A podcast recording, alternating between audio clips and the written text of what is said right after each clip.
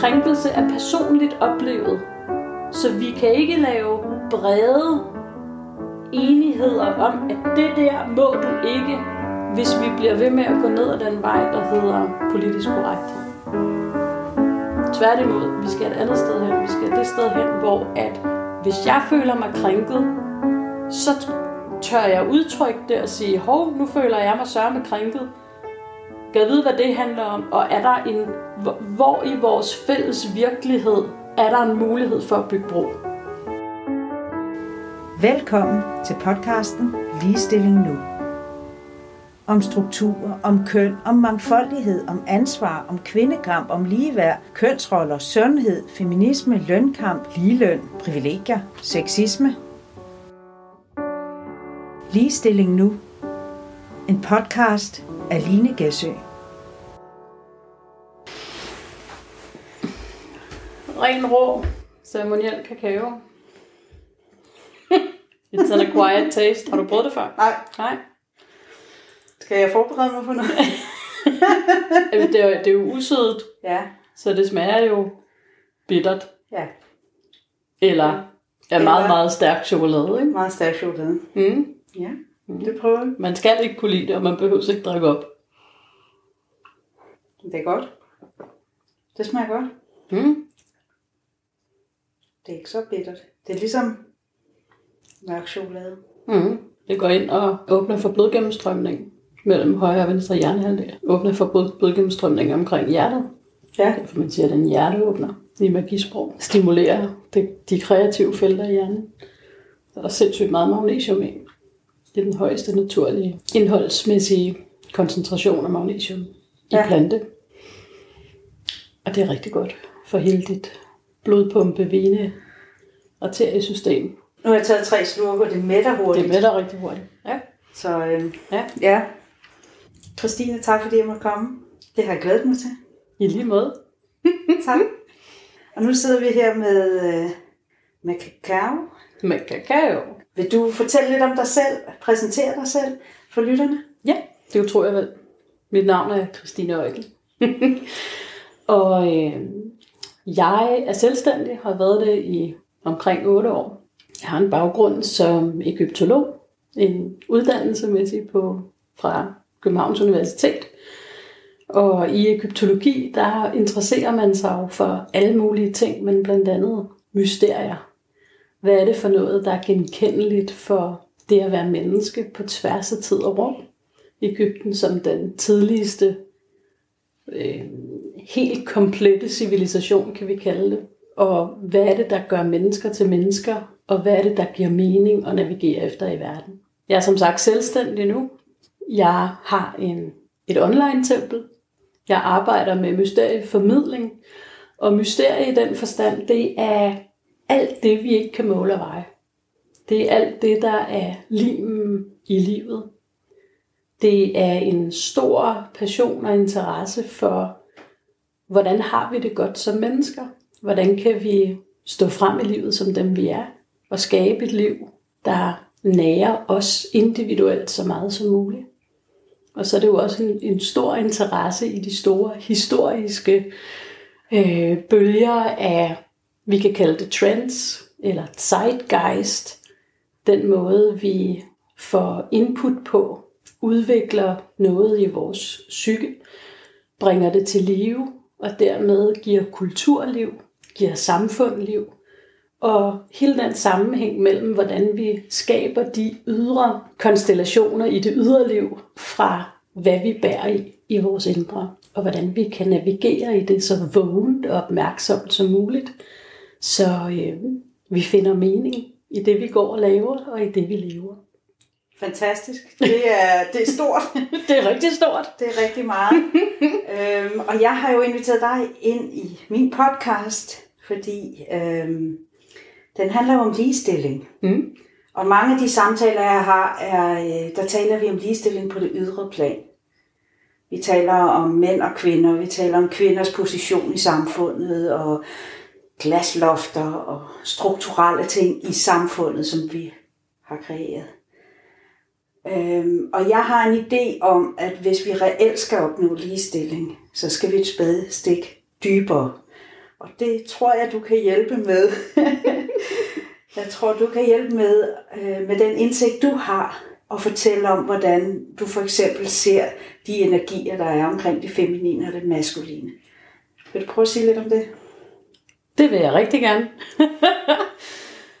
ja, men det er spændende, fordi vi, når vi taler om ligestilling, om alt det ydre, skal lige starte et andet sted nemlig, øh, i alt det ydre, alt det vi kan opleve, nu er altså krænkelse og glaslofter og hvem må hvad og hvorfor, så er der nemlig et spadestik dybere, i, i hvert fald i min optik. Men når vi taler om det, så har vi en tendens til at udløse smertens punkter i os. Det vil sige, at hvis man som lytter sidder derhjemme og har nogle af de her oplevelser meget inde på livet, noget der har gjort ondt, man har haft nogle oplevelser, som har været med til at lukke en ned, hvor man er, ens system er blevet lidt, lidt bange, lidt forskrækket, så kan det godt være yderst triggende at høre noget af det, jeg kommer til at sige. Og min invitation til det, det er virkelig at mærke, hvor let det er at reagere på noget, der enten provokerer os, gør os kede af det, gør os vrede, sætter energi i gang i os. Der er vores standardreaktion. Det er at lange ud. Og det er et overlevelsesmekanisme, vi ikke kan komme rigtig meget udenom. Men invitationen er til det, til, at, til virkelig lige at mærke efter, hov, hvad er det egentlig, der provokerer mig i det, der bliver sagt? Hvad er det, det udløser af følelser i mig? Og hvad hvis det ikke handler om det, jeg siger? Hvad hvis det ikke handler om det, historien i provokationen udløser, men handler om, at lige nu har jeg en mulighed for at sidde med den provokation, eller den følelse af ubehag, anspændthed, vrede, frustration, afmagt, hvad det nu end kunne være, og bare lade den flyde. Fordi derigennem har vi faktisk adgang til et af de dybeste mysterier, nemlig den levende gral, vi alle sammen er. Det er det, der er alkymi. Og på den måde, når vi giver de ting lov til at komme til op til overfladen, så mister de deres greb i os. Og det vil sige, at vi kan faktisk være mere konstruktive i vores måde at møde op i verden på. Så det var lige en, øh, en scene setting. Ja. Fordi jeg godt ved, at der er en tendens til, når vi begynder at åbne op for de her lag, så bliver vi trigget. Fordi vi er ikke vant til at besøge de lag. Og alene det, vi besøger nogle nye dimensioner, er med til at gøre ens øh, sind en lille smule utrygt, fordi åh, oh, oh, nu, nu, nu bliver mit verdensbillede pludselig pillet lidt ved, eller rykket lidt ved. Og det kan altså godt gøre en utryg, og når utryghed kommer frem, så har vi en tendens til at reagere. Som regel med vrede eller aggression. Det her med, at vi bliver provokeret, vi har lyst til at lange ud, vi har lyst til at flyve til tasterne og skrive, åh, sådan en da da da da. Og øh, det er noget af det, der er problemstillingen, når vi skal tale om ligestilling, når vi skal tale om hele spillet mellem det maskuline og det feminine. Når du så spørger mig, kan vi sige noget om det her? Så vil jeg selvfølgelig sige, ja, det kan vi. Og invitere dig og lytterne med ind i mit verdensbillede, som selvfølgelig kommer fra et helt andet sted end det direkte ydre liv, hvor man kan møde alle mulige situationer, som er personlige. Jeg vil gerne have os ind i det lidt mere generelle, det lidt mere overordnede, det lidt mere abstrakte, hvor at det maskuline og det feminine hele tiden samskaber. Og det kan samskabe på måder, der får os til at føle os små og klemte, eller det kan samskabe på måder, der får os til at forstærke og forstørre kvaliteterne i hinanden. Og det er nogle af de problemstillinger, vi møder, når vi taler om de her ting.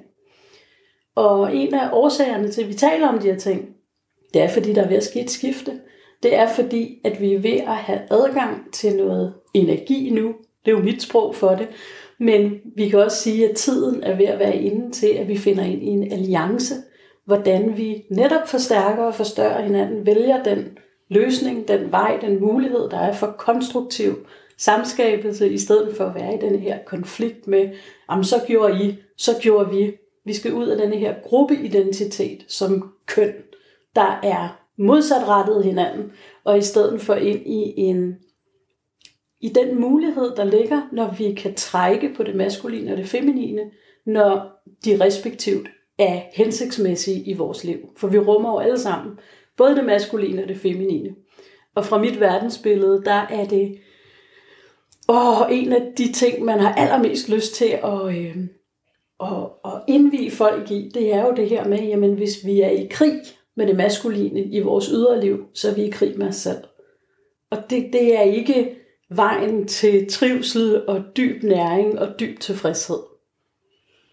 Så det er det, jeg er fortaler for. Det er alliancen. Selvfølgelig ikke uden også at vide, at det er der alle mulige udfordringer i. Der er alle mulige konflikter, fordi vi har noget kultur, fordi vi bærer noget historie ind, fordi vi er præget af de omstændigheder og det øh, historiske snitflade, kulturelle snitflade, som vi nu engang er vokset op i. Men der er også et kald i det, nemlig til at komme ind og finde ud af, okay, hvordan vil jeg placere mig i det her? Hvordan vil jeg øh, navigere i at stå i det her kaotiske omvæltning og sammenbrud af noget og fødsel af noget andet? Det lyder rigtig godt, og det, det er noget andet for mange, fordi kvindefrigørelsen jo er tit betegnet som en kvindekamp. Ja. Og det bliver øh, nogle gange i det ekstremer en kamp imellem kønnene, øh, som clasher. Og det, jeg kunne nemlig også godt tænke mig, at vi kommer hen, hvor det er noget, vi, vi gør sammen. Så vi får den balance, øh, der er brug for i, øh, i samfundet. Når du nævner nogle af de her ting, så jeg, der, der er rigtig mange tanker, der, der kører igennem hovedet. øh, når, når du fortæller om det her, fordi øh, mange kvinder får succes i det ydre ved at agere ligesom mænd. Ja. Og, det, øh, og derfor ser vi også nogle kvinder, der har magt, der klæder sig mere og mere maskulint, mm. øh, sætter håret mere maskulint, med mm. for eksempel stramt tilbage, øh, tager nålestribet habit på osv. osv. Øh, hvordan, hvordan kan man som kvinde opnå samme øh, hvad skal man sige, status i samfundet eller på arbejdsmarkedet, men med feminine energier? Det ved jeg ikke, om vi kan. Jeg ved, og jeg ved heller ikke, om det er det, der er meningen. Jeg tror snarere, at, at svaret på det spørgsmål ligger i, at vi står i et tidspunkt, hvor vi er med til at ikke bare opfinde, men også at opdage, hvad er det egentlig for nogle styrker, hvad er det egentlig for noget power, det feminine besidder i sig selv, af sig selv, for sig selv, og begynde at se det som succeskriterier. Fordi det er klart, hvis vores succeskriterier er standardiseret ud fra, hvad man kunne betegne meget løsligt, meget generaliserende som et maskulint, succesdrevet kriterie, jamen hvorfor, why bother? Altså, hvorfor skal vi så forsøge at være noget andet end det, vi er? Og dermed ikke sagt, at, at der ikke selvfølgelig også er kvinder, der har mere den maskuline side i sig, og som, som gerne vil det på de betingelser. Men hvis vi taler om, at vi gerne vil hen og fremelske og, og kultivere det feminine i sig selv, jamen så er vi per definition på en opdagelsesrejse i, hvad er det, hvad består det af? Fordi det feminine er per definition mystisk. Det vil sige, det er uset, det er skjult, det er indirekte. Det er ikke bogstaveligt som den måde, det maskuline er. Og hvis vi ser på den måde, hele vores retorik, hele vores måde at kommunikere på, det er jo i one-liners og i hvor kort og præcist kan jeg kommunikere noget på øh, social media i, i det antal øh, slag, jeg må, øh, jeg må skrive ned, det antal bogstaver. Alt i vores måde at kommunikere på er sat op til at komprimere, at gøre bogstaveligt så laveste fællesnævner indlysende som overhovedet muligt. Og det er ikke det, det feminine repræsenterer. Det feminine repræsenterer dybden, mysterierne, den øh, sfæriske intelligens og perception. Og hvad betyder det? Jamen det betyder noget cyklisk. At vi i stedet for at opfatte verden som et billede i en ramme, det bliver meget fladt, det bliver meget endimensionelt. Det bliver, jeg kan se ud til rammen og ikke længere. Så er vi nu på vej ind i det, man kunne kalde den guddommelige feminine indstrømning, som vil vække og stimulere vores intelligens til at fungere på en anden måde. Og det er en cyklisk intelligens. Det vil sige at stikke hovedet ind gennem rammen, ind i maleriet, og kunne se hele vejen rundt, fordi det feminine taler om helhed. Det taler om, vi kan se skyggesiderne af det i øh, skolereformens øh, øh, tendens til at sige, at vi skal være inkluderende. Ja, vi skal være inkluderende, men vi skal jo ikke være det sådan, så vi hele tiden går efter laveste fællesnævner, fordi så, så er der ikke nogen til også at tage toppen, og, og så kan vi ikke løfte os og rejse, så giver vi ikke plads til det. Så, så der er nogle tendenser til, at det feminine hele tiden er til stede i alt, hvad vi laver, men fordi vi ikke kan se det for, hvad det er, fordi vi ikke kan se det som styrker, vi ikke kan se det som superpowers og succesformål i sig selv, så kan vi heller ikke helt ære det og hylde det. Så kan vi ikke mærke det i os selv, så kan vi ikke anerkende det i os selv. Og derfor er det lettere at ty til det, vi kender. Det umiddelbare, det bogstavelige, og hvordan, det lineære. Hvordan kommer vi til at se det som en styrke så? Jamen det er jo først og fremmest at finde ind i og begynde at opleve, hvad er styrkerne i at være modtagelig. Det feminine, øh, altså når vi kommer ned på det kønsbaserede, øh, for ligesom at trække det ud af det maskuline feminine, som er noget, vi alle sammen besidder. Men hvis vi kigger sådan rent konkret på det i, i kønsforstand, så er kvinders nervesystem ikke skruet sammen til at passe på kvinder, på samme måde som mænds nervesystem er skruet sammen til at passe på mænd. Kvinders nervesystem er skruet sammen til at passe på børn og passe på mænd først og fremmest. Så det vil sige, at vi, vi går stik imod vores øh, naturlige måde at fungere på, når vi forsøger at, at insistere på, at det skal virke på den måde, at det først og fremmest tager sig af os. Det er noget, vi skal tillære, det er noget, vi skal til at kultivere og finde ud af, okay, hvordan tager jeg faktisk den der lur, jeg har brug for? Hvordan giver jeg mig selv den plads omkring mig, som det feminine har brug for, for at være i såkaldt flow, eller i modtagelighed, fordi vi er giga-antenner. Vi trækker visioner ind. Vi er visionære. Vi har helheden for øje. Og det vil sige, det kan godt være, at det historisk set har været mænd, der genererede overfloden, gik ud og høstede de der marker, skabte store, øh, fantastiske opfindelser, der kunne generere masser af penge og overflod og whatnot. Det har været kvinderne, der fordelte det. Og det er jo fordi, vi har en, en direkte kontakt til helheden. Til at, at, at alle skal være med. Og det er nogle af de styrker, som det, det feminine besidder, og som vi kan åbne for i os selv. Men det er rigtig svært at åbne for, hvis man er på vejen af, jeg skal have succes på det maskulines præmisser. Det er noget, man kultiverer frem. Det er noget, man begynder at opleve i at være nærværende med sig selv, kende sig selv, finde ud af, hov, nydelse, leg, lethed, alt det, der giver livet lim. Alt det, der giver livet lige skruer op for nydelsen og glæden og velværen. Det er noget af det, det feminine kommer med. Så øh, fødselsdag, det er som regel inden for det, det, det feminine domæne, at lige sige, ja, jamen, vi har ikke bare fødselsdag, men vi skal da også have en kage, vi skal da fejre. Så hele den der fejringstendens, det ligger i det feminine. Og, øh, og det kan vi lære rigtig meget af. Selvom jeg godt, jeg, jeg, jeg er helt med på, at når man måske lige umiddelbart hører det, så tænker man, åh, nu skal vi så bare reduceres til at være sådan nogle hjemmegående husmøder, der sørger for alt det gode og dejlige. Nej, det skal vi ikke. Men for at kunne indtage den, den reelle kraft, saft og styrke, der ligger i det feminine, der er der en proces af også at anerkende det.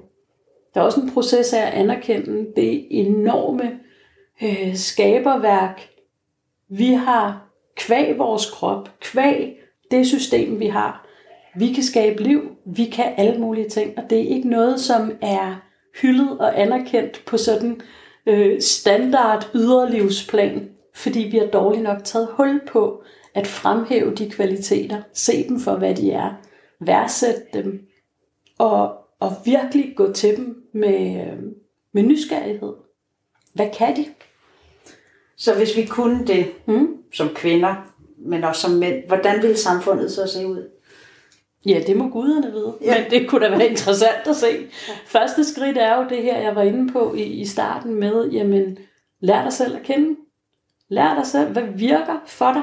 Fordi uanset om du er mere eller mindre i din maskuline side eller i din feminine side i forskellige dele af livssituationerne, så vil der være forskellige øh, ting, der motiverer dig, forskellige ting, der passionerer dig, forskellige, du vil bruge forskellige sprog, og det er noget, der er så subtilt, at vi dårligt nok oplever det i hverdagen. Vi kan tale om øh, to default mode, som vi både mænd og kvinder kan ty til. Vi kan være i jagtmode, der er vi fokuseret, vi har byttet for øje, og ved den, der kommer i vejen for det. Det er det, vi, vi ofte relaterer til det maskuline. Det feminine kan lige så godt gå i det. Der er, nu bruger jeg igen en køkkenkommentar, fordi det er der, jeg oplever det i. Der er ikke nogen, der skal komme i vejen for mig, når jeg laver mad. Når jeg er ved at jagte det måltid, jeg har sat mig for, at jeg skal lave. Så er der ikke nogen, der skal komme og skære løgene lidt anderledes end det, som skulle til for, at denne her jagt, den blev succesfuld. Omvendt, så, øh, så er der det andet default system. Og der er vi, kunne vi sige, vi samlere. Det er den del af os, der kan gå ud på en mark og se, okay, hvad er der modent? Så den kender du fra, når du går ned i Netto, og du ikke har en indkøbsliste og din mand måske synes, hvorfor laver du ikke en liste og går ned og jager det, vi skal have, og så kommer du hjem med lige præcis det og intet andet. Nej, fordi vi går ned, og vi lader os inspirere. Hvad taler til os? Hvad er quote unquote modent på marken? Og, og så tager vi det, der stimulerer, noget, der vækker noget i os. Fordi det er med til at skabe det liv, den fejring, den energi, som vi gerne vil bringe ind i vores hjem, ind i vores måltid. Det er jo forklaring på det store shopping-game, mange kvinder. Det er lige præcis forskellen på, hvorfor at kvinder de kan browse, gå ud og ose og, og, og se, jamen det er ikke fordi, jeg har behov for en t-shirt. Jeg har behov for at se, hvad er mulighederne, så jeg kan vælge. og det kræver tidsmæssig plads. Så øh, det maskuline vil, vil sige, jeg har brug for et par sko, og det skal være størrelse 42, det skal være en matbrun farve, og man kan få dem derhen. Sak, ind, ud, så er vi done. Så, så på den måde, der, det der med at kende de her default-systemer, hvordan de er, hvornår de er aktive i os, hvordan vi kan samarbejde i dem, sådan så, at, at jeg ikke prøver at være jæger inden for det, du er ved at jage lige nu, fordi det opstår der konflikt af. Det er ikke fordi, der ikke må være konflikt, men, men der er bare ufattelig meget energi, der bliver spildt på, at vi, at vi ikke forstår, hvad der er på spil. Ja. Lige under neden. At det ikke handler om, om sokken kommer i vasketøjskurv eller ej.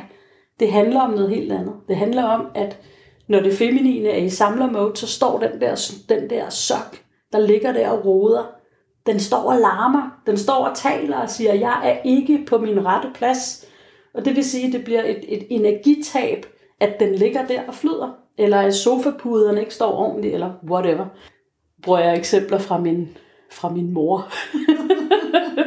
jeg tror, der er mange, der kender de eksempler. Ja. Især det med de snavsede sokker, ja. tror jeg øh, er et typisk eksempel. Ja, og når det fylder i os, så har vi rigtig svært ved at være modtagelige for kærtegn, for mm invitationer til erotisk nydelse og leg.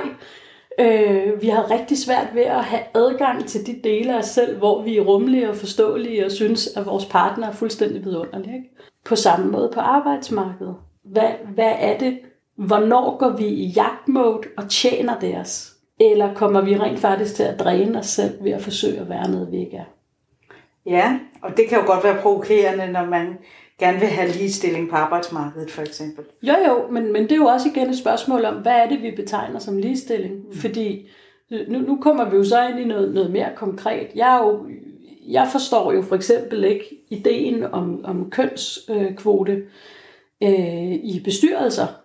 Fordi jeg har det lidt sådan, vi skal da ikke vælge kvinder bare på grund af kønnet. Så går vi jo fuldstændig i den samme i, i det samme argumentationsenergetiske felt, som hvorfor kvinder ikke skulle være det.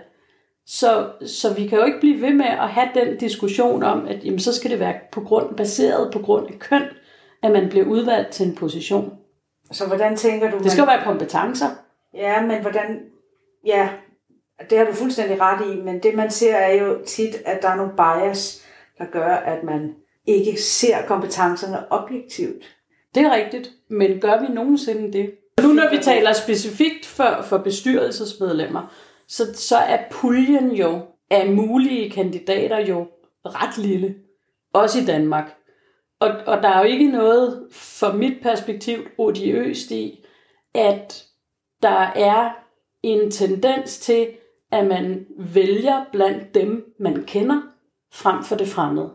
Og det fremmede i den tilfælde, det er jo alle dem, man ikke nødvendigvis har været i roklub med på, øh, på øh, et eller andet engelsk universitet, eller i øh, kaffeklub, kaffe og konjak herreklub med.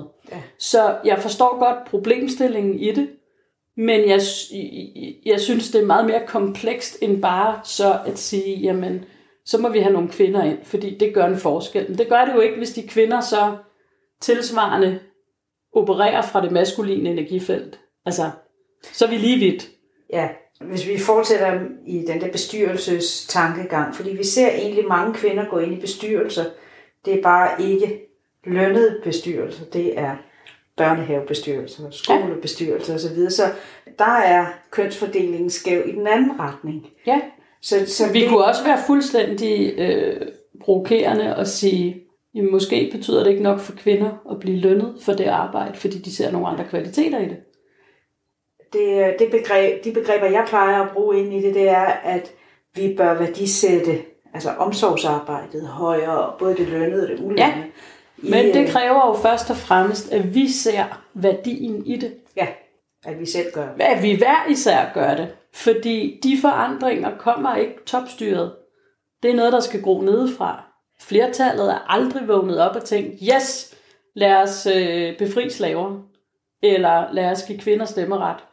Det har aldrig været flertallet, der er vågnet op til en transformationsmæssig og transformationsskabende bevægelse og sagt, yes, nu har vi set lyset, nu gør vi det, det rigtige fra nu af.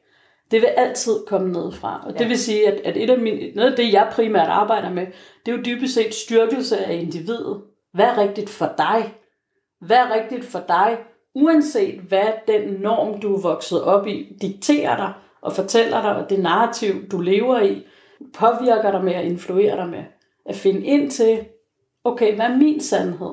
Og hvordan kan jeg skabe et liv, der stimulerer det, så jeg trives mest muligt? Og det kan godt lyde for mange meget egoistisk, men hvis jeg trives, så gør de omkring mig, de trives også. Og jeg kan fra et sted af overskud navigere i verden med meget mere tolerance, med meget mere accept, med meget mere barmhjertighed. Alle de her bløde kvaliteter, som vi er vant til at definere som det feminine, men som lige så meget til stede i det maskuline. Men det kræver, at vi fremelsker det, at vi kultiverer det. Jo, helt enig. Og det er også det, jeg tænker, vi gør i dag, når vi sidder og taler sammen.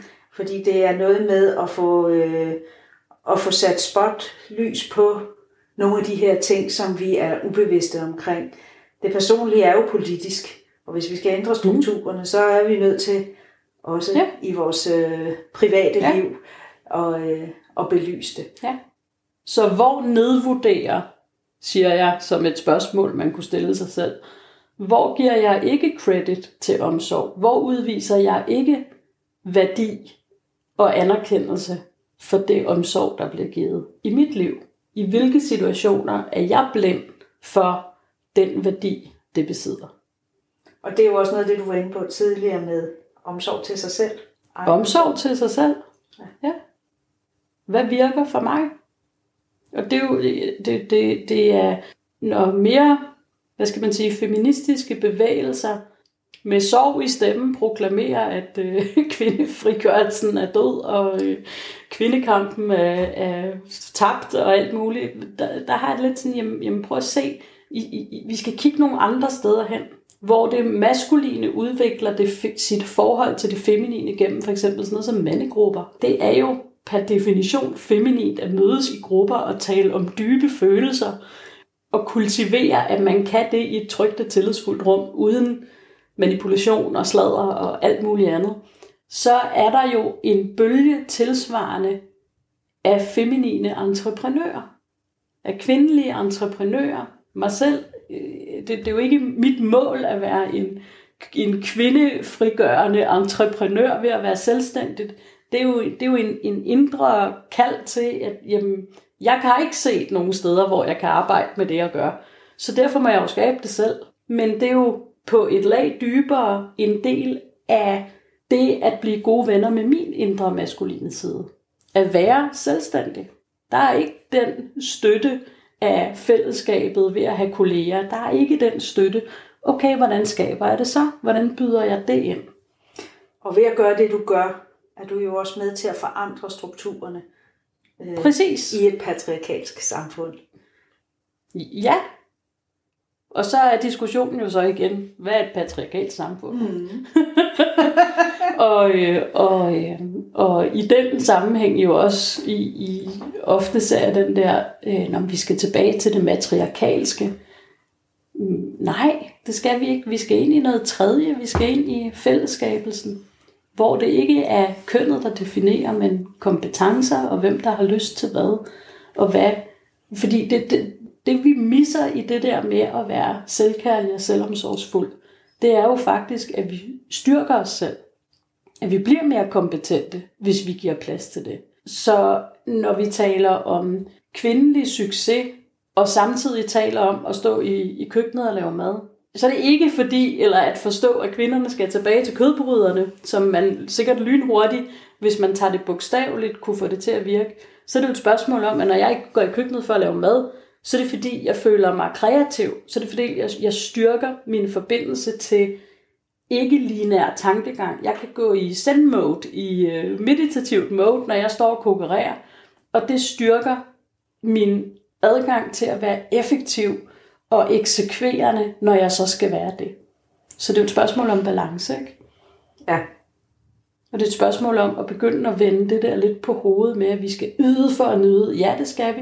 Men hvad nu, hvis det, det ikke handlede om at kæmpe og knokle og smøge ærmerne op og tage ved.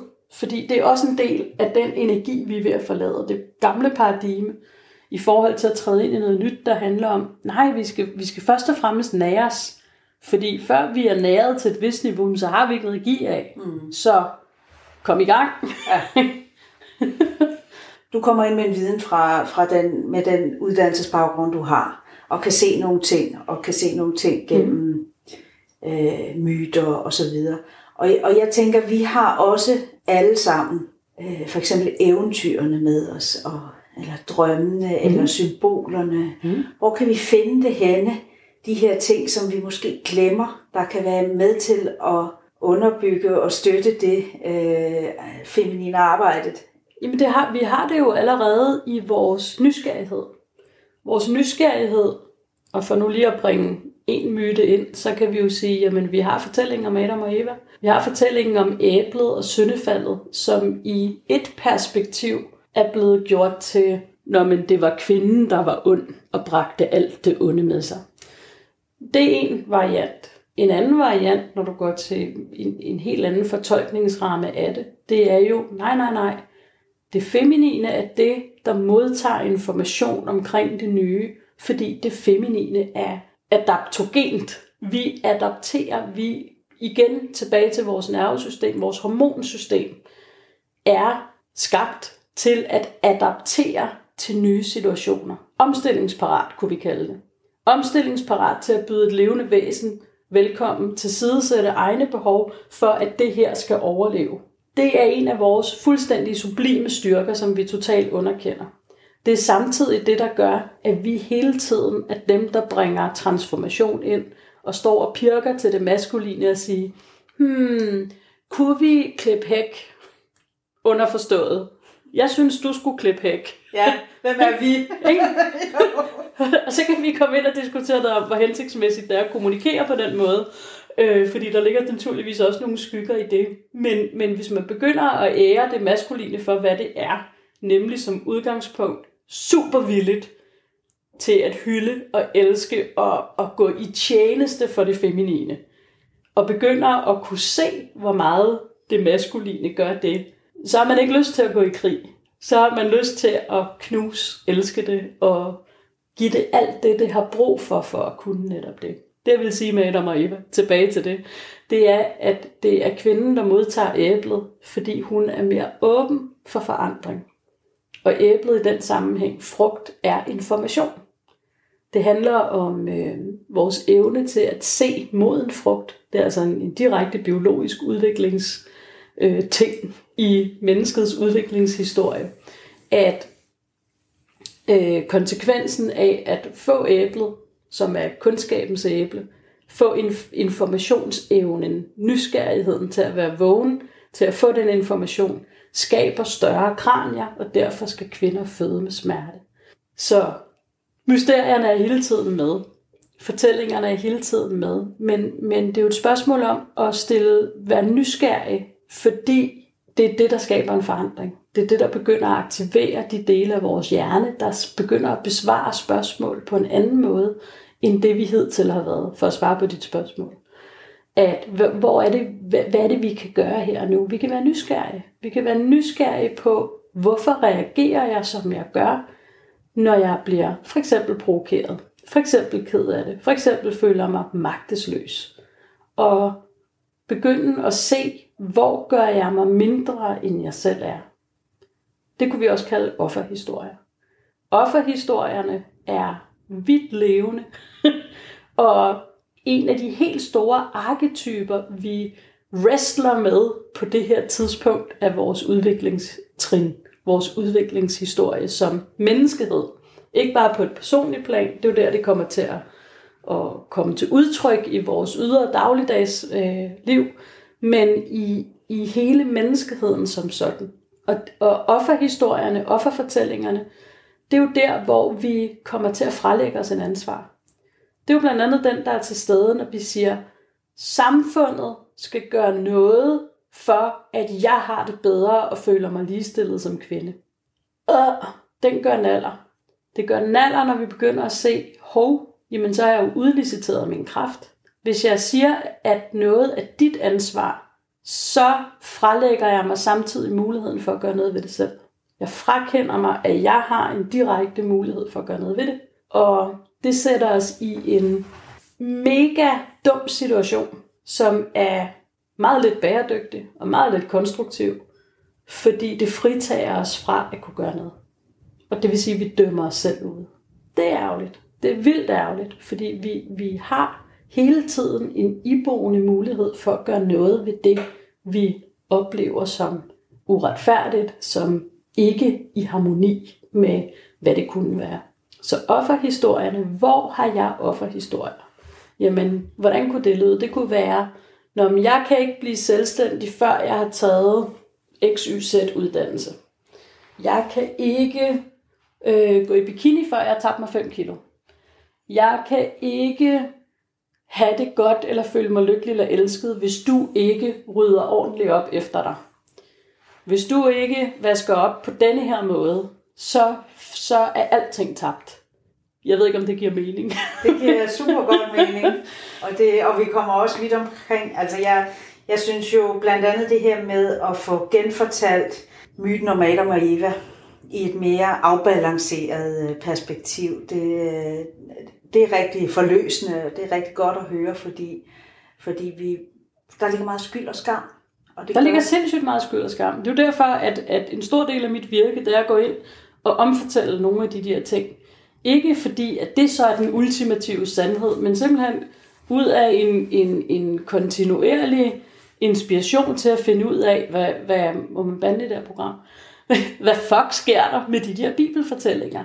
Hvorfor har de så meget livsduelighed gennem så mange år? Det, det har været et stort spørgsmål for mig. Fordi jeg måtte konstatere, at hvis de er livsduelige, hvis det er noget, vi bliver ved med ligesom at være levende, i hvor, uanset om vi er såkaldt kristne, eller om vi er ud af en krist, et kristen kulturlandskab, som vi jo er i Danmark, uanset om vi er medlemmer af folkekirken eller ej. Ja. Hvad ligger der så i de fortællinger? Hvorfor bliver de ved med at være relevante? Og så simpelthen prøve at gå ind og kigge på dem med nogle helt andre øjne, end en religiøs doktrinerende, en, en, en kirkelig forstand, og sige, okay, hvad står der? Hvis vi, hvis vi bare skal kigge på, hvordan øh, menneskelig psykologi er udviklet, hvordan kunne det her så give mening? Ikke? Ja. Vi lever gennem fortællinger. Hvis jeg spørger dig, hvordan har du, hvordan har du haft det i dag? Så giver du mig ikke en bogstavelig, linær forklaring om, hvad der er sket fra da du slog øjnene op, til at du mærkede, at du skulle tisse, til du gik ud og børstede tænder, til og så skete der, og så skete der, så skete der. Du fortæller mig essensen. Du siger, det her var vigtigt. Det er det, jeg har oplevet. Det vil sige, du giver mig en fortælling. Du giver mig en, en myte, så at sige. Du giver mig essensen, uddraget, bouillonterningen af det, du har oplevet i dag. Og det er det, myter i min overbevisning gør. Det er det, bibelfortællingerne gør. De ekstraherer, hvad man har gået og tumlet med i årtusinde om, hvordan giver det mening at være menneske i denne her verden, hvor der er sorg og lidelse og tsunami og død og ulykke til højre og venstre, og hvad fuck gør vi? Jamen, jamen okay, så må, det må vi finde ud af. Hvordan gør vi det mest hensigtsmæssigt? Og, og det har vi så fundet ud af gennem tid og erfaring, at det er mere hensigtsmæssigt, at man ikke knaller med sin bedste vens kone, end hvis man ikke gør. Altså, lad være med det, hvis du ikke vil have ballade. Ikke? Altså, Ja. så, så på den måde kan man gå meget lettere til de fortællinger og sige, okay, hvad giver mening, og hvad giver ikke mening. Og igen, der skal vi jo ikke ind. Du, du kan nærmest allerede høre, den måde, min hjerne fungerer, er mere cyklisk. Jeg, jeg går mm. til og fra emner og væver det hele sammen. Ja. Ja. I stedet for at gå linært fra A til B. Det kan jeg allerede mærke i samtalen. Ja, så nu er vi tilbage ved det her lineære kontra øh, analytiske, det bogstavelige eller det mystiske, dybderne, hvor vi skal afsløre ting. Hvis du læser Bibelen lineært og bogstaveligt, så tænker du, øh, slanger kan da ikke tale. Øh, øh, hvor er det åndssvagt, at de spiser en frugt, og så bliver de smidt ud af paradis. Ikke?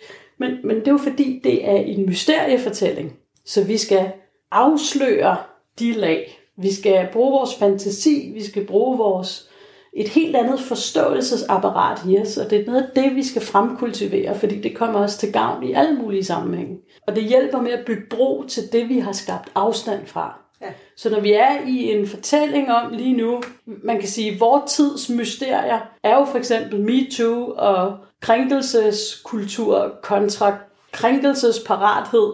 Det er, jo de, det er jo de myter, vi begynder at fortælle nu, de narrativer, som vil overleveres ind i fremtiden, så frem de, der er mere krudt i dem til den tid. Ikke? Men når vi fortæller historier, der splitter os ad, og siger, øh, øh, der er nogle andre, der er dumme, som er helt forkerte, og som ikke gør det rigtigt, og hvis de bare opførte sig ordentligt, så vil alt være godt, så skaber vi ikke helhed, og så skaber vi en splittelse i os selv. Når vi skaber en splittelse i os selv, så gør det ondt at leve. Ja. Så er vi ved siden af os selv. Vi er i det, der i oprindelig sprog er at være i helvede. Altså det at være i helvede i kirkelig forstand, den oprindelige betydning sproghistorisk i det, det er at være ved siden af sig selv. Det er en tilstand. Vi kender alle sammen det at være ved siden af os selv. Så vi er splittet. Det er også derfor, man inden for spirituelle kredser taler om alignment.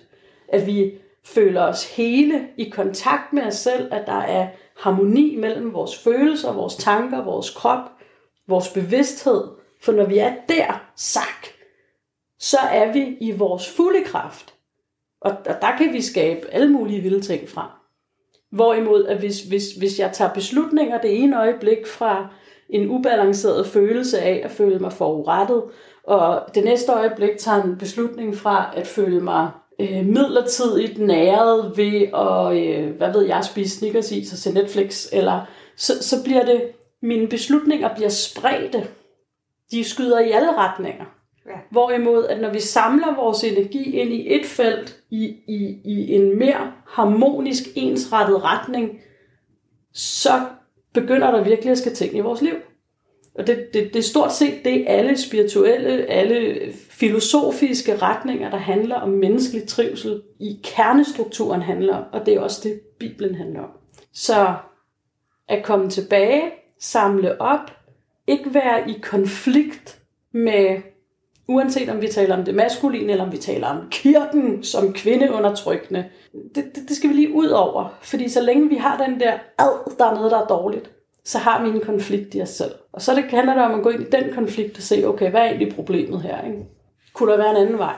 Kunne jeg hente de ressourcer hjem, samle mig, så jeg står stærkere og kan vælge, hvor jeg placerer mig i livets omstændigheder. Så er man stærk. Så kan man alt muligt. Ja, det er jo, det er jo empowerment. Det er empowerment. For at bruge lidt uh, ja. det nye sprog. Ja. ja. Kan vi lige tage to minutter, fordi Ja. jeg har sat min øh, telefon på lydløs, og min datter bliver ved med at ringe. Ja. Så jeg skal lige uh, høre, at hun er okay. Ja. For ellers kan jeg ikke koncentrere mig. Det er jo dit feminine. Der, der er noget, der står og kalder. Jeg kan mærke det, Ja. og det fylder. Ja. Og jeg kan ikke komme ud af det, før jeg har gjort noget ved det. Og især ikke, når det er børn, vel? Især ikke, når det er børn, men det er bare sådan et godt billede på, hvordan også i en arbejdsmarkedssituation, at vi kan have ufattelig svært ved at navigere på den der måde målrettet efter direktørstillingen. Fordi der er bare rigtig mange andre ting, der snakker. Ja, det har du fuldstændig ret i. Og det, det er jo det, der er... øh, Ja, det er både en velsignelse og, øh, Ja, og ikke. ja, Fordi at det gør jo, at vi kan overskue rigtig mange ting på en gang. Ja. Men det gør jo også, at altså, hvis vores barn er faldet hen i skolegården, så kan vi jo ikke koncentrere os om Nej. bestyrelsesmødet. nej. Og det er heller ikke meningen, vi skal. Nej. Og, og, det, og det er jo en af de ting, vi skal finde fred i, i os selv, for at vi så kan begynde at finde ud af, okay, hvordan kan vi så skabe et arbejdsmarked, der, giver, der udnytter den, ikke udnytter som i på den negative måde, men, men hvor det faktisk bliver en ressource, at det er sådan, vi fungerer. Så det er jo en helt anden snak om arbejdsmarkedet, end om kønskvote ligestilling. Ja. Hvordan skaber vi rammerne for, at det, der er det feminine styrke og kvalitet, kan blomstre, og vi kan få det bedste ud af det, og virkelig kan, øh, kan se, hvad det kan. Ja. Jeg vil gerne tale om noget andet. Der er sådan nogle strømninger. Øh, Der er de her strømninger, der går mod, at vi, vi ser det feminine mere, altså for eksempel communities, Mm. grupper og samlinger mm. og så videre, både hos mænd og hos kvinder. Men for eksempel øh, her til morgen, så, så søger jeg på øh, feministiske grupper Mm. på Facebook. Mm. Og der kommer selvfølgelig nogen op, men der kommer mindst lige så mange antifeministiske grupper Mm. Hvor der er 10.000 medlemmer, Mm. og hvor altså, man næsten tænker, hvad sker der her? Mm. Altså, der er så meget, og det oplever jeg jo også i andre fora, jeg er i. Øh, kvindehad er jo et stort omdiskuteret emne Ja. inden for, øh, for ligestillingen, Ja. og det er kvindehad. Øh, altså, vi har jo også den der mænd, der hader kvinder, øh, Mm. og så videre. Vi, vi, vi ser det også i litteraturen og, Ja. i, og, og i film. Og vi oplever mænd, der hader kvinder, men vi oplever også kvinder, der hader kvinder, eller hader det feminine. Ja. Vil du prøve at fortælle lidt, hvordan du ser på det her fænomen? Ja, det, det er jo sindssygt komplekst. det er jo først og fremmest noget, vi på en eller anden måde skal acceptere, at, at det er mere end et eller andet simpelt ja, nej og sort og hvidt. For det feminine er ikke ja, nej, sort og hvidt. Det er det hele. Så hvordan navigerer vi det? Men, oh, ja, Jeg vil gerne give et eksempel mere, mens du ja, lige sidder og tænker. Her for en uges tid siden, der undsagde Tyrkiet, Erdogan, mm, undsagde det, der hedder Istanbul-konventionen, som er en FN-konvention, ligesom øh, Mm. og menneskerettighedskonventionen. Det er en, er, en, er en konvention, der handler om vold mod kvinder. mm, Og det vil sige, og han gør det lige netop nu, hvor FN kører i sin store årlige konference om øh, og, og forhandling om, øh, om ligestilling Mm. på verdensplan. Og det gør han selvfølgelig med vilje. mm, Øh, og det, det giver, altså det runger igennem hele verdens, at, at gå så langt tilbage og sige, at man må godt slå kvinder, man må godt voldtage kvinder, mænd har magten over kvinder. For Mm. det er det, han siger med det Mm. her. Og det taler lige ind i nogle af de samfund, hvor det er stærke mænd, og hvor det er at det maskuline, ja. fylder rigtig meget. Det er, det er et voldsomt slag for det feminine. er det? Der kommer jo en modreaktion selvfølgelig. Ja, og, og det er jo der, det er jo der, vi har mulighed for at reelt gøre en forskel. Fordi it takes two to tango.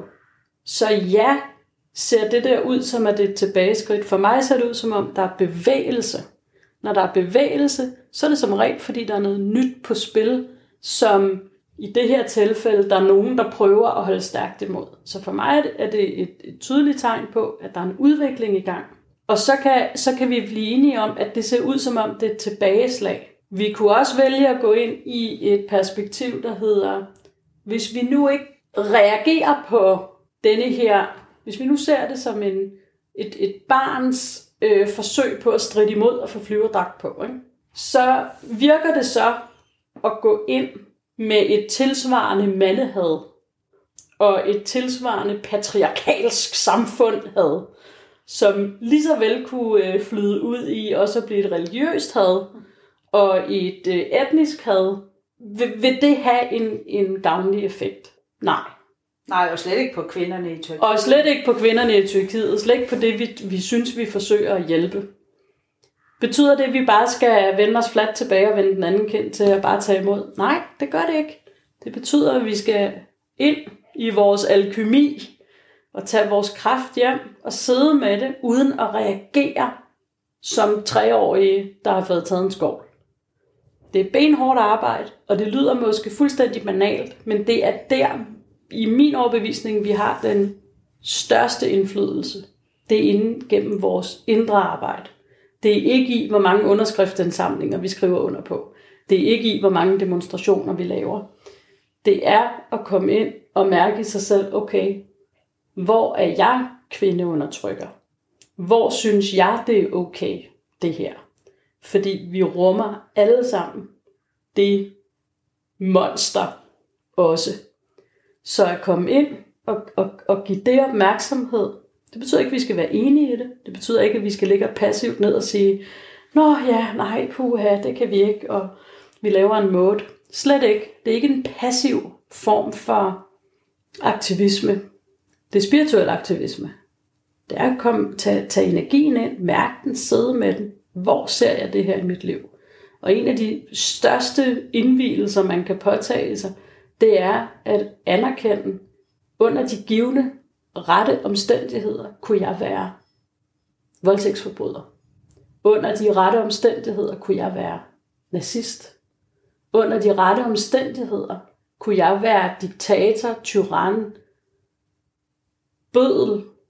Og vi er hele tiden bødler. Fordi når vi er bødler i det lette, overfladiske plan, hvor vi sidder og peger fingre og siger, øh, ham der, han skal bare så meget have øh, tæv, fordi at han for 20 år siden lagde hånden på en eller anden kvindes lov, og hun følte sig krænket. Der er vi også bødler. Så det er jo kommet ind i denne her selvmestring af, det kan lyde udefra som en naiv passivitet. Det er det ikke. Det er benhårdt arbejde. Og det skaber en forskel. Og det er den indre spænding, vi skal kunne rumme, for at vi kan kanalisere den spænding ud, så den tjener os, frem for bare at blive en reaktion på, du er dum, om det er du også, om du er også dum, jeg sagde det først. Så spiller vi bare smertes stangtennis frem og tilbage med bolden over nettet. Ikke? Ja. Vi påtager os som de fuldstændig guddommelige væsener, vi er, og tage alkymien på os. Og alkymi betyder forædling. Det betyder at tage det junk, som vi alle sammen er i kontakt med. Og så betyder det at lave en forandringsproces, så vi forædler det, der var junk, ind til at være nye ressourcer. Det gør vi ved at give det bevidsthed, ved at give det opmærksomhed. Og det er ikke den opmærksomhed, der hedder, lad mig komme til tasterne og udgyde min galle over, hvor uretfærdigt og hvor dumt og hvor negativt og hvor stort et tilbagetrin det her er. Det handler om at holde den. Og så kan vi gå ud i verden og tale vores sandhed, men fra et sted af inspiration og opløftethed. Hvis vi falder ned i fælden af død og ulykke, så giver vi det mere næring. Yes. Spændende. Jeg oplever jo det samme fra, altså fra et matriarkalsk synspunkt. Der kan være lige så meget Mm. had Mm. den anden vej. Mm. Det er en problematik, det har vi også set i Danmark under MeToo-debatten. Mm. Jeg har siddet på sidelinjen og kigget på nogle af de grupper. Ja, Der er så meget had. ja. Men vi kommer vel aldrig til at vinde jo. Altså, der er jo aldrig nogen, der Jamen, vinder. jamen had skaber mere had. Ja. Ikke? Og det er jo det, det, det, det, det, det er ikke for at underkende, at der kan være et behov for, at man deler en smertefuld historie og siger, at jeg er også blevet øh, voldtaget, krænket, whatever. Men der ligger noget skældende evne i det, som vi øh, som kunne klæde os og udvikle. At vi ikke er helt, at vi er vågne i det, vi melder ud. At vi er vågne i vores måde at kommunikere på. Så det er ikke hele tiden er det der godt brølt. De skal bare... Øh, mænd må ikke sige noget i den her debat, fordi de, har, de er kommet til ord. Nu skal de bare tige stille og tage ved læring. Nej, sådan noget healing, det laver man ikke på et kollektivt plan ude i det offentlige rum. Det gør man i for eksempel i ceremoniel hellig rum. Hellig rum mener jeg ikke nødvendigvis et kirkeligt rum. Vi skal også lige have det med, men, men et spørgsmål om at være nærværende over for det, der er, og lade det komme til udtryk. Fordi der er rigtig mange, der går rundt med smertensorg i det her, med grumme oplevelser. Og, og det, det skal jo på en eller anden måde, det skal på en eller anden måde ud, før at vi kan tage hånd om det. Men der, hvor det så går galt, det er, at vi ikke tager skeletterne ud af skabene for at anerkende, at der er skeletter, men vi gerne vil give skyld til nogen. Vi vil gerne korsfeste nogen på, at det var deres skyld, og hvis de bare opfører sig ordentligt en anden gang, så bliver alt godt. Men sådan fungerer verden ikke. Sådan fungerer verden simpelthen ikke. Så vi, vi skal jo kunne komme ind et sted, hvor vi i det hele taget kan have en dialog om det, uden at folk bliver trigget til deres eget indre lille barn, der sidder beklemt. Fordi så er det det lille barn, der, der sidder forrest i bussen og kører bussen. Og, og komme ind et sted, hvor vi på den ene side kan anerkende, hvad er problemet, men på den anden side ikke være i vores følelsesvold, når vi taler om det. Fordi så kommer vi til at tage beslutninger, der, der ikke er hensigtsmæssige. Øhm, og og langt, langt synet. Det bliver en her og nu løsning, og, og, og så skal hele samfundet indrette sig i det. Og, og så finder vi ud af tre måneder efter, når hov, det virkede ikke, Nå, så skal vi tage en anden løs. Så bliver vi med at skulle at lave øh, bålslukning og øh, symptombehandling, i stedet for at komme ned og tage nogle, nogle mere langstrakte, bæredygtige beslutninger. Ja. Vil du fortælle om, øh, det var en feminin sådan, så vi også får en positiv, så vi får noget positiv Jamen, energi. Både det maskuline og det feminine kommer med solsider og med skyggesider. Ja. Og det at tro, at det feminine ikke har været til stede i det patriarkalske samfund, som øh, man så tit hører, det, det er meget ensidigt. Fordi selvfølgelig har det feminine været der. Det, kan ikke, det ene kan ikke eksistere uden det andet. Og en af de skyggesider, det feminine, blandt andet bærer med sig igennem det, vi nu blamer og, og bebrejder det maskuline, det, patri- det såkaldte patriarkalske samfund for, det er overformynderiet. Ideen om, at vi skal alle være lige. Og jo, vi skal selvfølgelig alle sammen, vi skal gå til andre, som om vi alle er lige men samtidig med en virkelighedssans, en realitetssans, der konstaterer, at det er vi ikke, for vi er unikke. Og det er det, der skal hyldes. Vi skal ikke enstemmes. Så det feminine er hele tiden latent, har hele tiden været det, og der er lige så mange skyggesider i det feminine, som der er i det maskuline. Og så kommer vi til The Divine Feminine. Og det, der taler vi jo ind i en forståelse af tidens og historiens og kulturens udvikling, som sker som pendulsvingninger. Vi, nu har vi gennem et par tusind år været i, i en penduludsvingning til den ene side. Nu begynder der noget andet at komme ind. Så det, det, det er noget, man kan bruge øh, mange timer på at udrede. Det er det, der ligger i til grunds for, når vi siger vandbærens tidsalder. The Age of Aquarius. Øh, alt det der hippie er dybest set en forløber for det guddommelige feminines indtræden. Det guddommelige feminine er ikke sådan, ligesom man forestiller sig måske Gud som sådan en i himlen med et hvidt skæg, der er formet som en mand. Nej, det er en intelligens, og, og det er der, hvor vi er tilbage ved det her med, at vi begynder at tænke og tale og fungere på en mere cyklisk maner end en linær hvordan ser vi det ude i samfundet? Jamen, det ser vi jo på denne her gryne igennem de sidste 30 år. Vækkelse af bevidsthed om klimaforandringer. Vækkelse øh, og bevidsthed omkring økologi. Hvad end man nu synes om det. Nu taler vi bare om tendenser. Øh, vækkelse og øh, interesse for community. Når landsby-samfundet. Øh, vi, vi skal, alle de her ting, er, det er alle sammen markører for, at, at samfundet er inde i en forandringsproces. Det guddommelige feminine handler om helhed. Nu har vi været i en periode, der handlede om splittelse. Om det gode og det onde. Om det øvre og det nedre. I væk med alt det der seksualitet og alt det der, der er tabu. Det skal bare, hvis vi bare lader være at kigge på det, så er det der ikke. Nu skal vi til at byde det ind og se det i øjnene og give det omsorg. Og omsorg er ikke at give det ret eller acceptere dets præmisser, men at acceptere det er der. Hvad kan vi skabe fra et sted, hvor vi er mere hele i os selv? Hvor vi er i mere kontakt med, hvad er rigtigt for mig? Når vi begynder en rejse i at lære os selv at kende, i gnosis, direkte erfaring, direkte kommunikation med det, der er vores indre sandhed, så stiger vores moralske kompas helt af sig selv. Og det vil sige, at der er pludselig ting, vi ikke vil tolerere i vores nærvær. Det er der, vi kan begynde med et helligt ja og et helligt nej, og sige, jeg vil ikke i min nærhed tolerere, at der bliver talt sådan her omkring kvinder, eller omkring mænd. Her kommer man vel også ind på pornografi og sådan noget. Eller hvordan?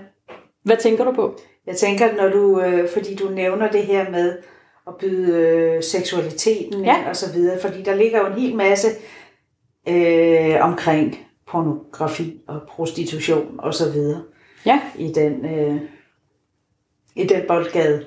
Og siger du dermed, at det er dårligt? Eller Nej, hvad, det er hvad, er det, hvad er det, du det, siger?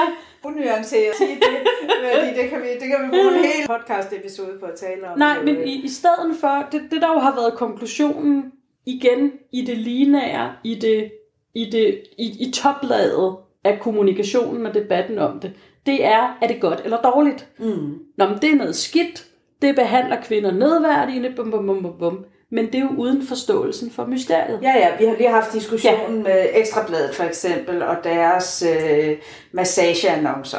Ja. Øhm, som, som jo bliver fjernet nu fra Ekstrabladet, og så går talspersonerne for, øh, for de prostituerede ud og siger, at det er vi faktisk rigtig kede af, fordi det havde været bedre at beholde dem i Ekstrabladet, hvor vi ved, hvor de er, og så få noget regulering ind ja. med kontrol og så videre, så kvinderne kan styre det bedre selv. Og det er jo et af de steder, hvor øh, debatten bliver unuanceret. Altså det bliver unuanceret bare at sige, det er dårligt væk med det. Ja. Øh, det er klart. Ja. Alle ting i livet kan bruges negativt og positivt. Det er for binært, den måde. Det er for binært, det er for, det er for sort-hvid. Det, det er ikke enten eller. Og, og seksualitet er heller ikke enten eller. Jeg ved godt, der er en, en generel tendens til at tænke, at porno er kvinde nedværdigende og handler om mandens lyst. Det er også en forsimpling og en forenkling. Fordi nogle af de ting, når man ser porno, som ofte bliver i talesat som kvinde nedværdigende, rummer faktisk noget ganske fantastisk, men det er simpelthen fordi, vi ikke forstår det. Og, og, og det vil sige igen, prøv at være nysgerrig. Hvad kunne det her når, når jeg, når, hvis, hvis jeg som en, en eller anden given person for ser porno, hvor at det handler om øh, oral, øh, så skal der først lige øh, suttes, så skal der øh, penetreres, og det skal være med en vis voldsomhed, og så skal hun vende sig om, og så slutter vi af. Hvorfor tolker jeg det som noget dårligt? Hvad er det i mig, der gør, at jeg reagerer negativt og afstandtagende for det? Og jeg siger ikke, det er en forkert reaktion. Jeg siger bare, vær åben for, at der var andre fortolkningsmodeller. Fordi alting handler om perspektiv. Og det er ikke for at sige, at alt porno er godt. og at det kun er godt, og, og at det, men, men det er et spørgsmål om, hvis vi skal begynde at åbne og udfolde de forskellige forståelsesrammer, hvor i ting giver mening, så vi reelt kan gøre noget ved det, så handler det først og fremmest om forståelse. Fordi hvis jeg tager til øh, Østgrønland og skal tale med ældre, og jeg kigger dem direkte i øjnene, fordi det er det, jeg har lært i min kultur, at det er et tegn på respekt, at jeg kigger dig i øjnene, når jeg taler til dig, så har det den stik modsatte øh, effekt. Hvis jeg tager til... Øh, hvis en kineser kommer til middag på mig og sidder og spytter på, på, på bordet og på gulvet, så er det et udtryk for, at maden er dejlig. Så, så det er jo med forståelsen, at vi skal indvige hinanden i, hvad der virker og hvad der ikke virker. Og det kræver en nysgerrighed, det kræver en åbenhed, i stedet for bare at konstatere, uh, jeg synes det der er vemmeligt. Væk med det, det er nok dårligt. Det skal jeg i hvert fald ikke. Og i stedet for at sige, hmm, hvordan kunne det her give mening? Og, og, og det er ikke ens betydende med, at det er noget, der har ens interesse. Men hvis man har de her stærke reaktioner på porno, andre folks opførsler, øh, andre folks måder at kommunikere på, så er der altid en, en mulighed for, uh, der er en portal inde i mig, der kan åbne sig. Der er noget, jeg, der er en større sandhed, som mit perspektiv her og nu ikke har plads til at rumme. Og jo mere vi kan rumme, jo større sandheder vi kan rumme, jo mere nuanceret kan vi se ting, og jo mere skarpt kan vi jo sætte ind der, lige præcis der, hvor udfordringen er, hvor ting er ude af balance, hvor ting er skæve. Men hvis vi bare skyder med spredhavl, fordi vi konstaterer, at der er noget galt i porno, lad os løfte, så har vi ikke, så har vi ikke trukket den viden og den erfaring og den læring og den medicin ud af det, som det står og, og, og beamer med. Så har vi bare undertrykt det. Og det, og det tænker jeg helt sikkert, at vi ikke har som samfund. Altså, nej, nej, nej. Fordi, fordi der ligger nogle kæmpe diskussioner i, altså det, det ligger øh, i det skjulte, og det kan vi jo se, når der sker det her med ekstrabladet for eksempel. Altså, ja, og det, det er jo der, det er der, når vi bare reagerer på, hvad er der lige tendensen. Mm. Hvis, hvis, hvis flertallet siger, uh, uh, ekstrabladet, I vel nok dumme, fordi I har massageannoncer, og, og ekstrabladet så bare reagerer på det, uden at tage den anden diskussion med, så bliver vi et mere og mere snævert samfund, hvor vi hele tiden skal være også politisk korrekte ud af en fortvivlende, misforstået høflighed og pleaser-tendens af hensynsbetændelse, hvor at alle kan krænkes over alt. Og derfor må vi, kan, vi, kan vi til sidst ikke bevæge os. Dybt under neden, det arbejde, jeg laver, det er jo hele tiden at se, hvordan kan vi udvide rammerne, hvordan kan vi give plads til forandring, frem for at lukke ned og isolere. Og hvis vi hele tiden igen i laveste fællesnævner siger, uh nej, der er nogen, der bliver øh, krænket over øh, øh, et eller andet. Vi, øh, jamen det må vi så ikke. Nå, men så må vi heller ikke det her, så må vi heller ikke det her. Det jeg prøver at komme frem til, det er, at, at krænkelse er personligt oplevet. Så vi kan ikke lave brede enigheder om, at det der må du ikke, hvis vi bliver ved med at gå ned ad den vej, der hedder politisk korrekthed. Tværtimod, vi skal et andet sted hen. Vi skal det sted hen, hvor at hvis jeg føler mig krænket, så tør jeg udtrykke det og sige, hov, nu føler jeg mig sørme krænket. Kan vide, hvad det handler om? Og er der en, hvor i vores fælles virkelighed er der en mulighed for at bygge bro? Men vel også, at samfundet respekterer, når du udtrykker den krænkelse. Det kommer der... Det kommer... Nej, respekt er noget, der skal... Det er noget, der opbygges. Du kan ikke... Hvornår kan der nogensinde kunne blive, nogen blive født ind i den her verden og sige, jeg vil have respekt? Hvad vil du have respekt for? Du må da lige vise, at du... Altså... Nogle af dem, der føler sig krænket, ja. oplever, det er jo, at, at de har sagt fra ja. men at det ikke er blevet respekteret ja. af omverdenen. Ja. Men der, der er det jo igen et spørgsmål om, at vi er så unuancerede. Hvis du siger nej, som i, så kan du godt tage fingrene væk, kammerat, så er der ikke nogen, der er i tvivl. Og det der ulykkeligvis ligger i det feminine, det er, at vi har så svært ved at sige fra. Vi har svært ved at sige klar, klart, tydeligt og direkte fra. Altså et andet eksempel er for eksempel vores voldtægtslovgivning, der jo lige er blevet forandret ja. her per 1. januar til en samtykkelov. Ja. Den synes jeg jo er et eksempel på, at man ikke har respekteret begge køn lige meget i at kunne sige til og sige fra. Men det er også et super komplekst emne. Ja. Fordi, først og fremmest fordi, at samtykke er levende.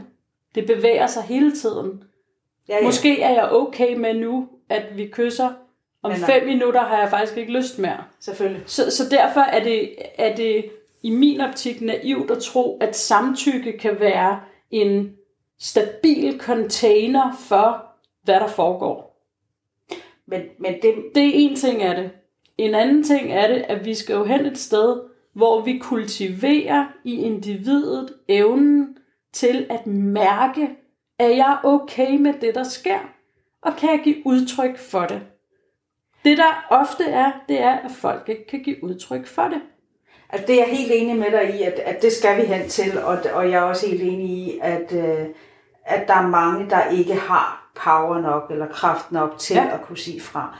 Men der er også eksempler, hvor der bliver sagt fra, men hvor det ikke bliver Selvfølgelig. Men der er også eksempler på, at jeg hyrer en, en håndværker, og så leverer han ikke det, der er aftalt. Ja. Så, så, så det, det er noget med at få nuancerne ind i, at, at, at der er forskel i øhm, graden af krænkelse og kommunikationsklarhed. Jeg tror, det jeg prøver at sige, det er, at strukturerne i samfundet er nødt til også at følge med, for hvis din håndværker ikke leverer det, han øh, I har aftalt, så er der en eller anden garantiordning, så er der et eller andet øh, lovgivningssystem, der, der er med til at hjælpe med at regulere. Og det er der ikke på samme måde, eller det er i hvert fald noget, vi er i gang med at ændre lovgivningsmæssigt mellem mænd Ja. og kvinder i deres samvær. Øhm, Men, men, men når vi taler samvær, så kan vi heller ikke komme udenom at tale om hele den kontekst, vi har samvær i. Og nu kommer jeg sikkert til at sige noget, der godt kunne lyde provokerende, men der, der er faktisk en vis... Der, det, det er sagt med stor kærlighed. Vi har et samfund, der synes, at det er normalt, at man som ung drikker rigtig meget, undersøger rigtig meget. Øh, vi er i citationstegn også så frigivende, når det kommer til seksuel samkvem. Og vi har på ingen måde formået at udstyre unge med, med en fornuftig, i, i mit perspektiv, idé om, hvad det betyder. Hvad det kræver af selvansvar, hvad det kræver af, befinder jeg mig i en dum situation lige nu. Så når vi taler om krænkelser, så skal vi til at tale ansvar på et helt andet plan. Og det betyder ikke, at man er personligt ansvarlig for en voldtægt, fordi man havde, øh, øh, hvad ved jeg, kort bedre på. Det er slet ikke der, jeg vil hen. Men det er der, samtalen ofte ender. Vi skal et skridt videre til at se, hvordan skaber vi nogle rammer, hvor at vi ikke går ud fra, at folk i en påvirket tilstand tager moralsk øh, harmoniske beslutninger. For det i sig selv er en illusion. Ja, og det kan man sige, det ved vi jo fra coronaen, for vi ved, når alkoholen går ind, så går det der med at holde afstand og sprit af, og så videre jo fuldstændig. Præcis, fordi du, du er ikke i kontakt med det, der skal navigere og, og, og, og regulere din adfærd. Så det er en ting af det, og det er jo selvfølgelig ikke i alle.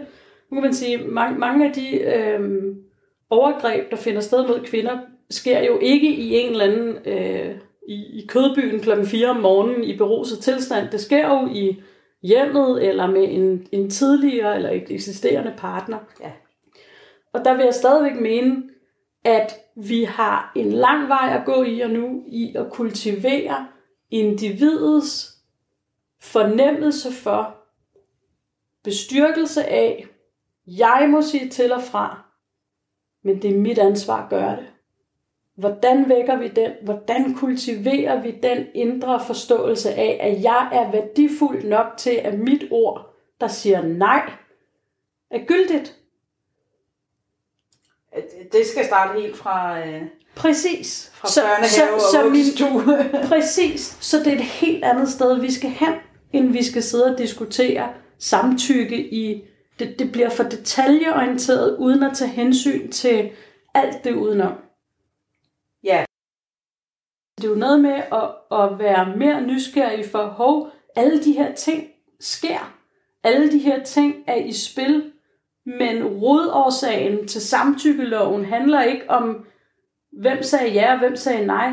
Det er, det er meget større end som så. Og hvis vi ikke tager den meget størrehed med ind i diskussionen, men kun diskuterer ud fra laveste fællesnævner, så får vi ikke et bæredygtigt resultat, der tager højde for de udfordringer, der reelt er. Ja.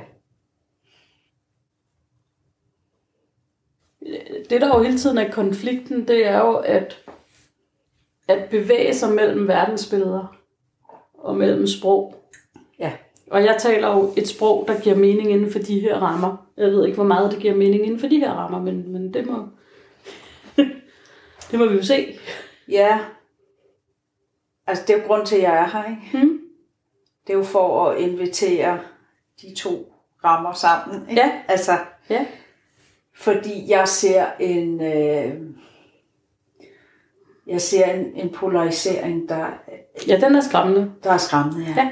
Og en, øh, en magtkamp og et had, Mm. der, der øh, er uhyggeligt. Ja. Både fra mænd og kvinder. Ja. Og, og, og fra, også fra dem, der kalder sig feminister, og dem, der ikke Præcis. gør. Og, altså det, det, det, og det undrer mig. Det undrer mig, at man tror, man kan løse de problematikker, vi har Ja. ved at bekæmpe hinanden. Fordi det er ikke der løsningen ligger. Men det understreger jo netop det her med, at hvis vi gør ondt indeni, så har vi ikke rummelighed og kapacitet til at være konstruktiv. Nej. Det kan vi først fra et vist overskud. Ja. Og, og det er jo derfor, at, at mange af de grupper, de bliver jo til den der med spille smertenstennis frem og tilbage, bare skyde. Ja, ja, Det er fordi det er jo et forsøg på at få smerten væk fra en selv, i stedet for at påtage sig den og sige, okay, nu sidder jeg lige og transformerer den. Ja, ja. Og det er jo derfor, vi ser de sure feminister. Sådan, jeg, jeg, havde det, jeg gjorde mig et bekendtskab for ikke så længe siden, et halvt års tid siden, eller sådan noget, og hun siger, du er den første feminist, jeg møder, som ikke er vred, ikke? Og jeg siger, jamen, jamen altså, jeg kan jo sagtens nævne masser af ting, Ja, der gør mig vrede i det Ja, ja, her. Det kan jeg sagtens. Men det er jo fordi, jeg tror ikke på, Nej. at, at det er det, der flytter noget. nej. Altså, at, at, at det nytter jo ikke noget, at når en kvinde føler sig ydmyget, hun går hen og ydmyger manden bagefter. Vel? Det, Nej. Det er kom- ganske enkelt ikke effektivt. Nej. det er energispild. Ja, vi får ikke, vi får ikke mere ligestilling. Men det, er jo, men, det er jo, men det er jo gennem nysgerrigheden at spørge ind til, hvad, hvad sker der inde i dig lige nu, når du sidder og siger det der? Altså, hvad, hvad fuck sker der for dig? Ja, Kan, kan du ikke give mig lidt info, fordi jeg forstår det simpelthen ikke? nej. Og jeg ser, øh, jeg ser feministiske communities, der øh, går fuldstændig i splittelse af det her. Ja. Fordi de kan, ikke, øh, de kan simpelthen ikke rumme det, nogle mænd gør. Ja, eller mænd, der har, altså, det, det der jo ofte heller ikke er med i den snak, det er jo, hvordan det feminine sover og ydmyger, ydmyger og krænker. Og det, det, når man så siger, ja, men du kan se på statistikkerne, at kvinderne er udsat for mere vold. Ja, men feminin vold ser bare anderledes ud. Ja, ja, ja, den kender vi. Så den kommer slet ikke i statistikkerne. Nej. Og, og, og i, i en stor del af det, af, af min egen rejse ind i det, har jo været ligesom at indse, okay, jeg kan godt forstå, at jeg har været skide bange for det maskuline. Mm. Fordi, når jeg går i feminin mode, så kan jeg godt mærke min afhængighed af det. Og der er jo ikke noget mere udfordrende, end at føle sig afhængig. Mm-hmm. Vel? Det er rigtigt. Så i, i min erfaring, og det siger jeg med stor kærlighed, det er, at de fleste af, af de aggressive feminister, jeg har mødt, de har faktisk en aggression mod det feminine selv, Ja, og ikke mod det maskuline. og det er også det, jeg oplever. Ja. Og det, det, og det er chokerende egentlig. Det er chokerende. Og det, og det, det er jo også der, når øh, øh, det, er, det er chokerende. Og det er ærgerligt, fordi det behøver ikke være sådan. men øh, men det, det er jo så deres vej i det, ikke?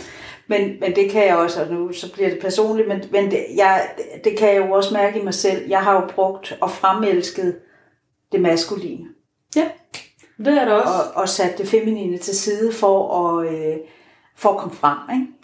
Jo. Fordi det, det, øh, det der, vup, væk med Ja. det, og så Ja. bare derud af. Men vi skal først nu til at finde ud af overhovedet, hvad det feminines pendant til den maskuline gennemslagskraft, hvordan den ser ud. Ja. For den er der. Vi, vi har bare ikke ord for den. Vi Den- har ikke, Jeg synes også, den det er jo svær. kalikraften, det er jo Ja. kaoset, det er jo Rah! I will fucking slay you, ikke? Altså, det er jo ikke fordi, vi ikke har den, men, men, men vi er så selvregulerende i, åh oh, nej, og det er hysteri, og det er, uh, det må vi ikke. Hellig vrede er der befriende ud over enhver. Men, men det er jo noget med at så kigge på de der forskellige personificeringer. Øh, det, når- vi kigger på de der forskellige gudeskikkelser, feminine gudeskikkelser, hvad kan vi så lære af? Men det er jo fordi, de repræsenterer en, en kraft hver især. Det er de indiske, du... du For eksempel, Ja. men det kunne også være Jomfru Maria, ja. Eva. Hvad er det? Hvorfor er det, vi... også noget det nordiske. Hvorfor der- har vi så meget modstand på Jomfru Maria? Ja, hun er bare sådan en nok sagt, man kan tørre fødder i. Nej, det er ikke det, hun repræsenterer. Der er noget helt andet. Ellers ville hun jo ikke være bæredygtig. Hvis det bare var white privilege pro- propaganda, så ville det ikke have været levende i så mange år. Fordi hvis der er noget propaganda ikke er, så er det levende i mange år. Det, det, det, der er altid nogen, der hylder den ud af den, ikke? Men altså, øh, men, men der er nogle kvaliteter, og, og kunne kigge ind i og se, okay, hvad er de kvaliteter? Og hvor er de fremtrædende i mit liv, og kan jeg give dem plads? Kan jeg, hvordan ser det ud? Hvordan ser det ud, hvis jeg rent faktisk tør sige nej til Moster Odas fødselsdag, selvom hele min feminine pleaser skyggeside står og siger, at det skal man, for ellers er man ikke en god pigeagtig, så er man ikke et godt menneske. Jamen, men det skal jeg ikke. Nå. Okay. Åh, oh, det er skræmmende det her, ikke? Nå, okay, nu bliver de nok sure på mig. Nå, okay, men kan jeg leve med, at de bliver sure på mig? Nå, ja, nå, ja, okay, det kan jeg måske ikke i virkeligheden godt, ikke? Nå. Får jeg mere energi, jeg så kan give ud af, når jeg har noget at give? Ja, og, og jeg synes især det her med at finde et sted, hvor man kan altså lade sig selv op, Ja. er rigtig vigtigt. Ja. For jeg ser mange kvinder, der bruger sig selv i en grad, så de ender med at gå ned med stress. Ja. Og de bruger sig selv helt, helt ned til sokkerholderne. Ikke? Jo. Men det er jo den kald til vækkelse, der jo så også er, ikke? Ja, Det er jo den måde, at, at evnen, muligheden for transformation sniger sig ind på os. Men, men det kræver jo så, at vi har et andet sprog for det, ikke? At Jo. sige, når man, hvis vi ikke skal tage stress i en klinisk yderverden forstand, hvad er det så? Nå, så er det måske i virkeligheden din ybersensitivitet, der står og kalder dig på virkelig at komme ind i en mestring. Og sige, okay, jeg vil slet ikke, jeg kunne alt det her. Nå, det er lidt overvældende nu. Ja, det er fordi, jeg ikke har lært at håndtere det. Hvordan lærer jeg at håndtere det? ja. Så, så det er jo igen, okay, hvordan kan vi vende den til noget, jeg aktivt kan gøre noget ved? I stedet for, når jeg har stress, det betyder, at jeg ikke kan x, y, z. Og så må jeg bare sidde og vente, indtil jeg ikke har stress mere. Men det sker vist ikke rigtigt af sig selv, så ja men det er rigtigt. ikke? Jo. det er det, jeg laver. Ja, men tusind tak for at, invitere mig og lytterne indenfor i, mm. i uh, din verden. Det er virkelig spændende, berigende. Det er i hvert fald en, en en mulighed for at udvide noget bevidsthed og noget perspektiv. Og det er jo ikke ens betydende med, at man skal være enig i det, jeg siger, men, men bare prøv at massere lidt det, der måske rykker ved sig. Ikke? Fordi så lige der kunne man måske lige strække sit eget råderum en lille smule, så man havde lidt mere plads at bevæge sig på og udfolde sig på. Ja. Det er jo det, der er hele humlen. Det er jo netop ikke at sige, jamen tro som jeg gør, men at sige, okay, hvordan kan vi lige hive lidt Ja. i dig, så du, der er mere plads til dig i dig. Og få fat i noget urkraft og noget, Ja, så man står stærkere. ja. Og turde det. ja. Det, øh, Det, det feminine er vildt. Det, Ja. er, det er dem, der kan navigere på tærsklen mellem liv og død. Og det er jo også noget af det, vi har brug for at kunne, især i nogle tider, hvor at, at vores dødsangst bliver så trukket frem. Ikke? ja. Og det er, jo, det er jo igen der, der er en, et healingspotentiale, en transformationsportal åben til at sige, okay, godt, vi er virkelig øhm, drevet af frygt. Frygt for at dø, at der ikke er nogen, der må dø for alt i verden. Det er jo ikke ens betydende med at sige, at man siger, jamen, lad dem dø, at man er ligeglad. Det er bare et spørgsmål om at komme ind og konstatere, okay, der er noget ubalance her. Hvordan får vi mere balance ind i det? Okay, vi dør alle sammen. Nå, og vi dør alle sammen. Nå ja, det er jo det eneste sikre her i livet, det er, at vi alle sammen dør. Nå, okay. Kan vi finde på at gøre det på en lidt mere elegant måde, så, end at have modstand på det hele livet, så vi aldrig når at leve, ikke? Vil du sætte et par ord? Nu har vi siddet med øh, kakao. Mm. Vil du sætte et par ord på det? På kakao? Ja. Jamen, det er jo en, en... Lige det her, vi sidder med nu, det er ren rå ceremoniel kakao. Og ceremoniel kakao er ikke kakao fra Føtex eller Netto, fordi det er blevet behandlet på en anden måde.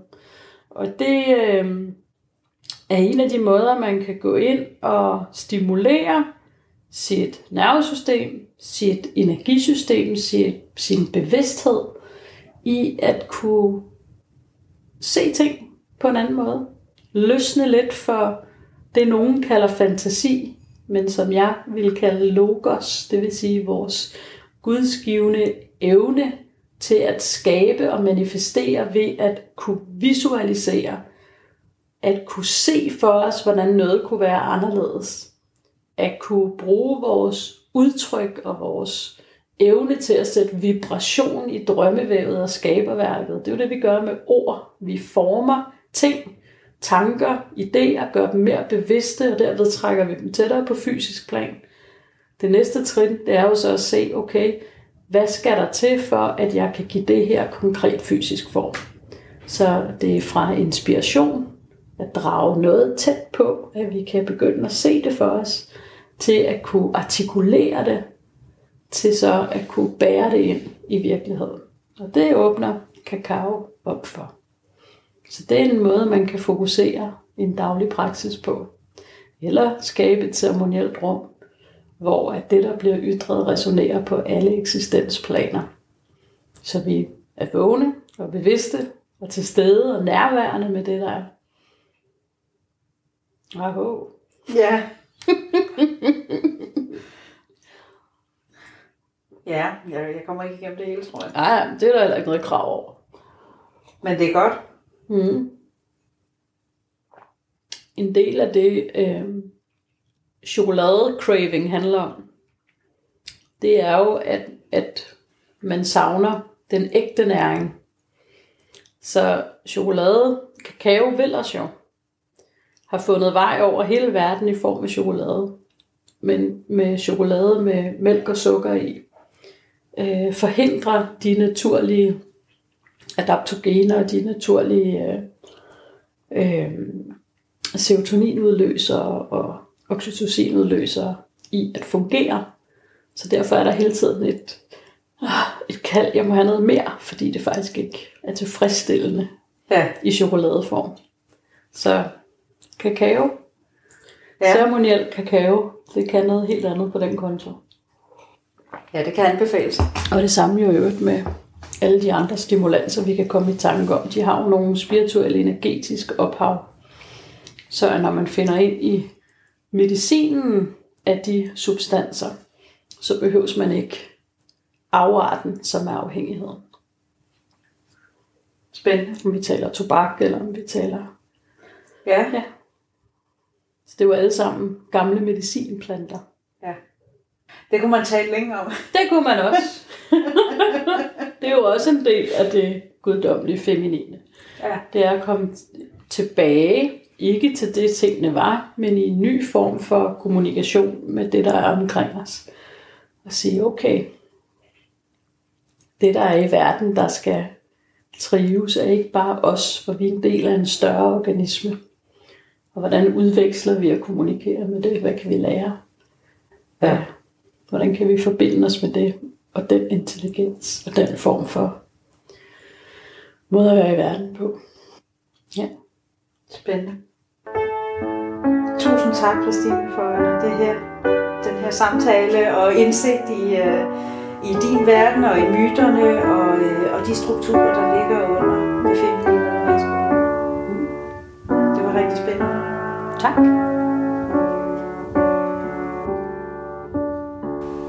Ligestilling Nu, en podcast af Line Gæsø. Se mere på Facebook, Instagram eller LinkedIn. Ligestilling Nu.